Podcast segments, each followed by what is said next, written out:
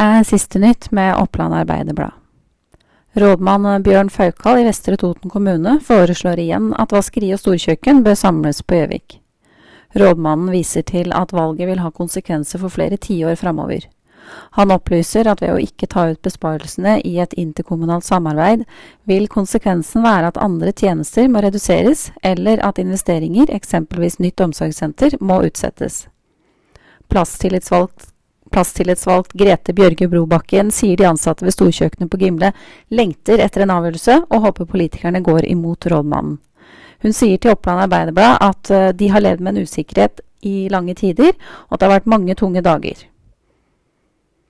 NRK Sportens eh, pensjonerte kommentatorlegende Arne Skeie er overrasket og imponert over at Raufoss hevder seg så godt i førstedivisjon.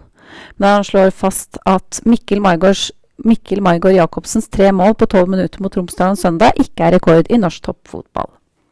Erik Karlsen skåret tre mål på to og et halvt minutt i kampen mellom Lillestrøm og Mjøndalen i 1977, opplyser Skeie.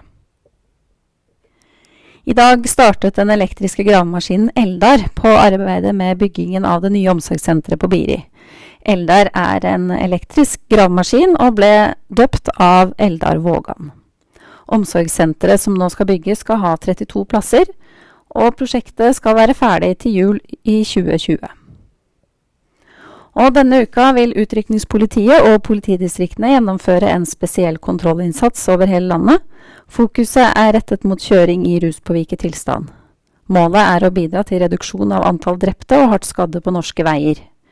Undersøkelser som er blitt utført av UP og Folkehelseinstituttet, viser at 140 000 personer kjører i ruspåvirket tilstand hver eneste dag. Og det var siste nytt med Oppland Arbeiderblad.